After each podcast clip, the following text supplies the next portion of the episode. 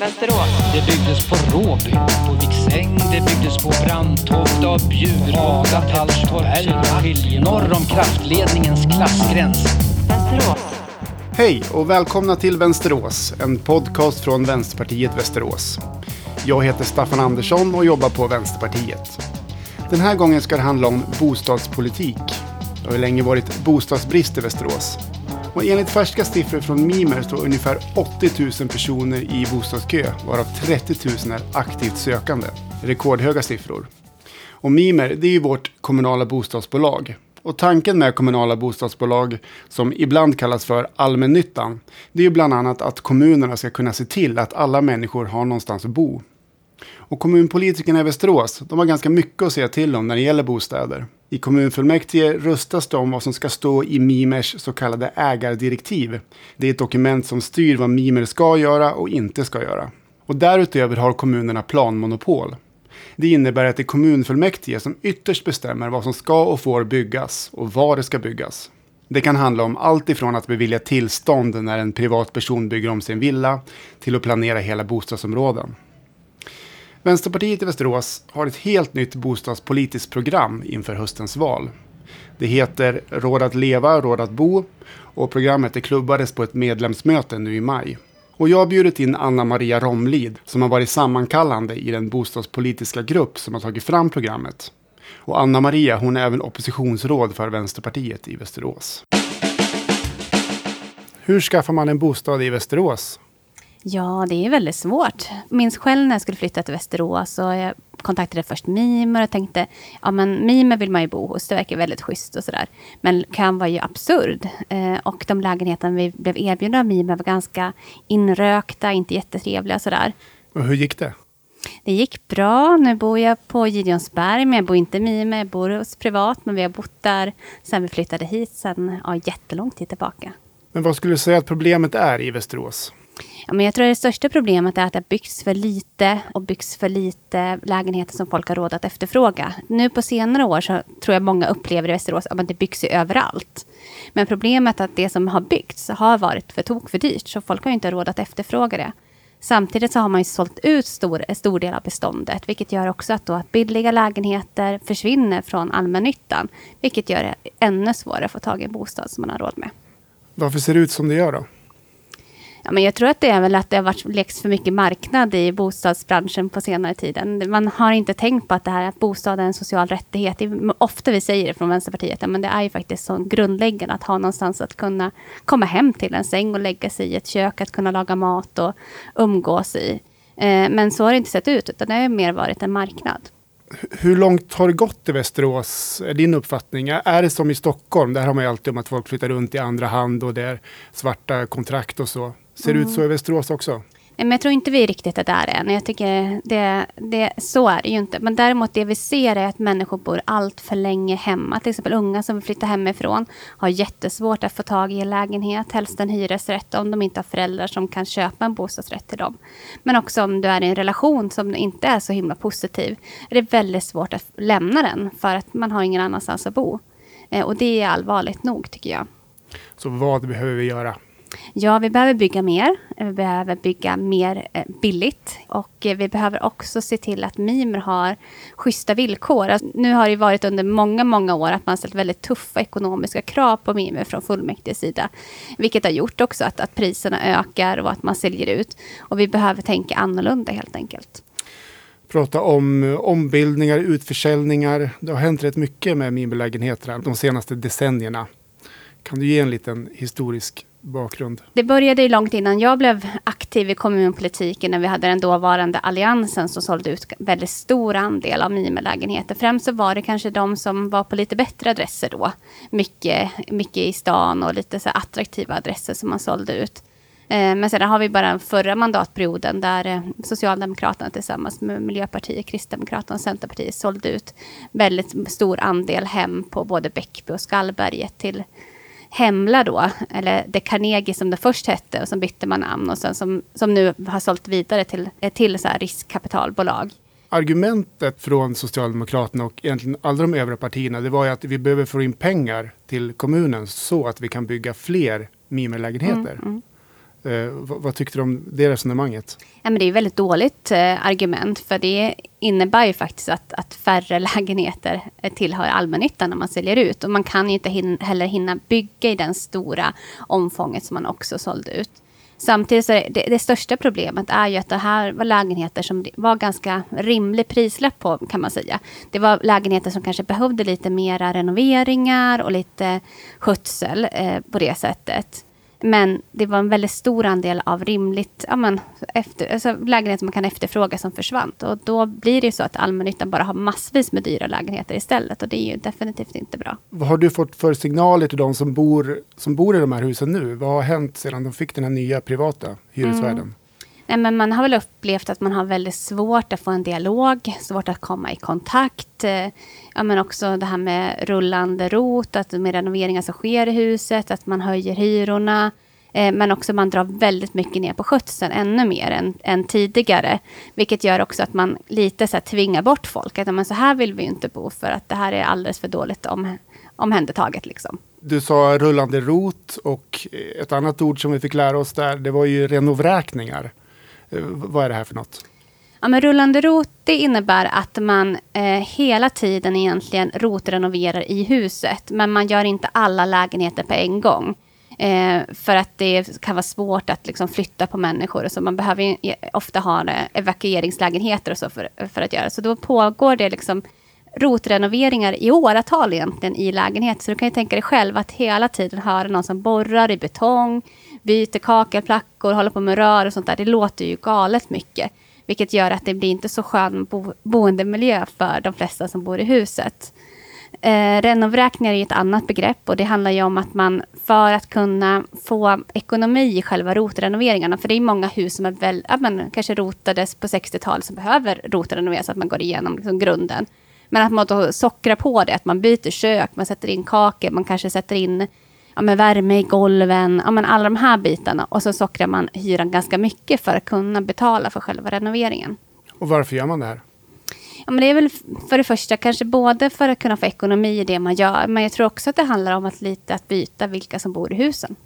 Ja, men att de som har mer större plånbok är kanske de, de som kan betala den höga hyran. Det är de man vill ha så boende i huset. De som har lite tuffare ekonomiskt kanske man hellre vill se att de bor någon annanstans. Så man kan fortsätta liksom göra en affär och göra vinst. Det är gamla hus och de kanske också behöver renoveras såklart. Även om man inte behöver höja hyran så mycket. Och hur ser det ut då i Mimer med renoveringsbehov och mm. vad behöver vi göra åt det? Ja, det har varit ett väldigt, det är ett väldigt stort renoveringsbehov. Jag vet att just nu så håller man på på Gryta till exempel. Eh, och det är hus som inte byggdes på 60 och 70-talet utan det är med 80-90. Men man byggde mycket lägre standard på den tiden. Så det, där behövs det göra ett jättestort program till exempel.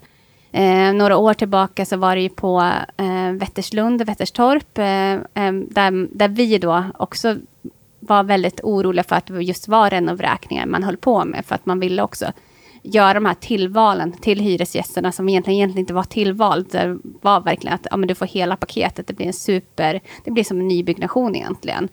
Men när vi började protestera där tillsammans med Hyresgästföreningen och tillsammans med hyresgästerna så började man ändå jobba mer med eh, hyresgästerna med medbestämmande kring vad som man gör i lägenheten, vad man inte gör och sådär.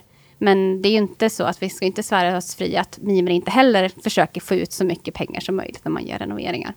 Nu pratar vi mest om hyresrätter, men om man vill skaffa en bostad och är beredd att köpa, då går det lättare va? Ja, jag vet sjuttsingen det. Alltså, huspriserna är ju galet dyra ja, och bostads, eh, bostadsrätterna de är inte så billiga de heller. Jag vet, de, man säger att det ska ändra sig och man pratar om pandemin, då kommer priserna gå ner, men det är fortfarande galet högt. Och Västerås, jag tror att det är väl närheten till Stockholm bland annat som gör att, att det är en så het efterfrågan just på boenden. Bostadssegregationen, det är ju en väldigt stor punkt i Vänsterpartiets politik. Hur segregerat är Västerås? Väldigt segregerat skulle jag säga. Ehm, det är ju stor skillnad på när du åker genom kommunen. både vilka bostäder och vem som bor i de olika bostadsområdena. Så det är otroligt segregerat i Västerås. Och har varit det under en väldigt, väldigt lång tid också. Mm. Väl inte bara vi som säger det, utan det brukar även forskare eh, lyfta upp att hur, hur delad staden är. Men vi brukar väl ofta säga Hamre, Råby, Eh, för att få liksom de här tydliga motsatserna mot varandra. Men det är ju inte bara i Hamre där folk har det bättre ställt och bor i villor och inte bara på Råbe där man kanske har högre sjukdagar och kanske inte har en fast anställning och bor trångt. Eh, utan det ser vi på flera olika bostadsområden i Västerås. Varför är det ett problem då att folk som har olika bra ställt bor på olika platser i Västerås? Men jag tror att eh, grundbulten för att få ett fungerande samhälle det är att vi möter varandra och vi förstår varandra och vi ser varandra och vi har ett samtal tillsammans. Och för att vi ska kunna få det på ett naturligt sätt då måste vi också bo i samma områden. Eh, det tror jag är jätteviktigt. Vi behöver gå i samma skolor. Vi behöver handla på samma butik, eh, besöka ungefär samma vårdcentral, ha våra barn, eh, leka med barnen i parken och, och, eller spela i samma fotbollslag. Alltså de här sociala aktiviteterna, de här sociala mötena i vardagen, det gör att vi också får ett samhälle som håller ihop och som inte splittras. För att det ska funka så behöver vi också bo mer blandat. Mm. Jag tror också att, att Västerås blir så mycket bättre av det med alla erfarenheter som finns.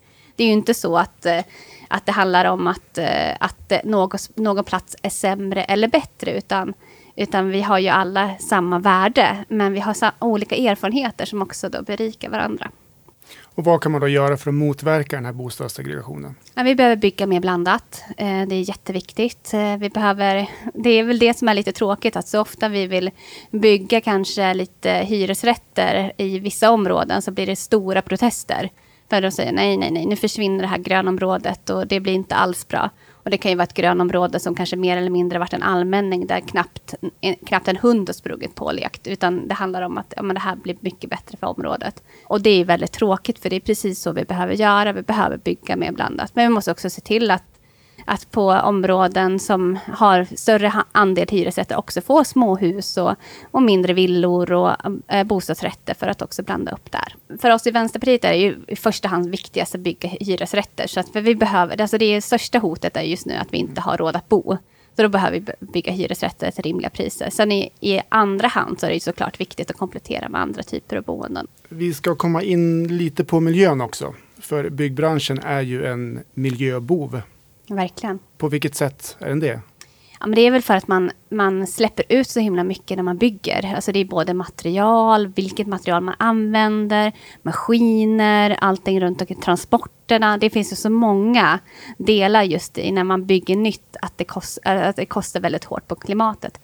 Och hur kan man bygga mer miljövänligt? Ja, man kan ju bland annat återvinna mer. Eh, när vi river så kan man använda sig av de här tegelplattorna igen. Betongen kan man göra om igen. Oavsett om det handlar om att man lägger grunden med de här, liksom gör det mer som fyllnadsmassa. Så finns det också jättemycket med fönster och delar som man också kan använda igen när man bygger. Eh, och det gör man väldigt bra i Danmark till exempel.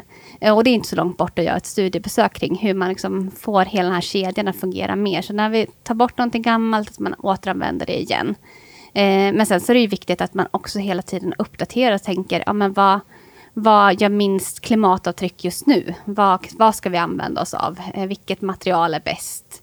Men också såklart tänka på transporter, att vi inte behöver åka halva jorden för att eh, för ett visst byggmaterial eller sådär, utan försöka hitta det så nära som möjligt. Eh, men också att vi inte håller på och renoverar ihjäl oss, tror jag också. Att när vi renoverar och så att vi tänker på hållbart, eh, att vi tänker in energismarta lösningar, se till att eh, man sätter upp solpaneler, se till att det liksom känns som ett hållbart system, energisystem runt omkring och sådär. Men också, också att man bygger det bra så man inte behöver renovera eller göra om det om några år igen. Om eh, Vänsterpartiet om det går bra i valet. Det går bra i valet. Det går bra i valet. När det går bra i valet. När det går bra i valet, ja. ja. Eh, och säg då att eh, Vänsterpartiet till och med lyckas hamna i, i majoritet i kommunen och ha lite större möjlighet att bestämma vad som, vad som ska göras. Vilka, vilka skulle vara de första punkterna som du tänker på då när det gäller bostadspolitiken? Ja, bygga mer, bygga billigt. Vi behöver bygga fler hyresrätter till rimliga priser. Det är första punkten. Eh, sen såklart att vi inte ska sälja ut något mer eh, och inte ombilda. Och all renovering ska ske på hyresgästernas eh, men, samförstånd. Och att vi gör det klimatsmart. Om du vill veta mer om Vänsterpartiets bostadspolitik i Västerås så kan du läsa vårt bostadspolitiska program. Det finns en länk i avsnittsbeskrivningen. I nästa avsnitt, som kommer om några veckor, då ska jag fortsätta intervjua de personer som står på Vänsterpartiet Västerås valsedel. Då får du träffa Joel Heistey, som är det fjärde namnet på listan. Och passa gärna på att följa Vänsterpartiet i Västerås i sociala medier. Vi finns på Facebook, Instagram och Twitter. Och där postar vi inlägg om vår bostadspolitik och andra frågor som vi driver i kommunpolitiken. Ha det bra och hej så länge!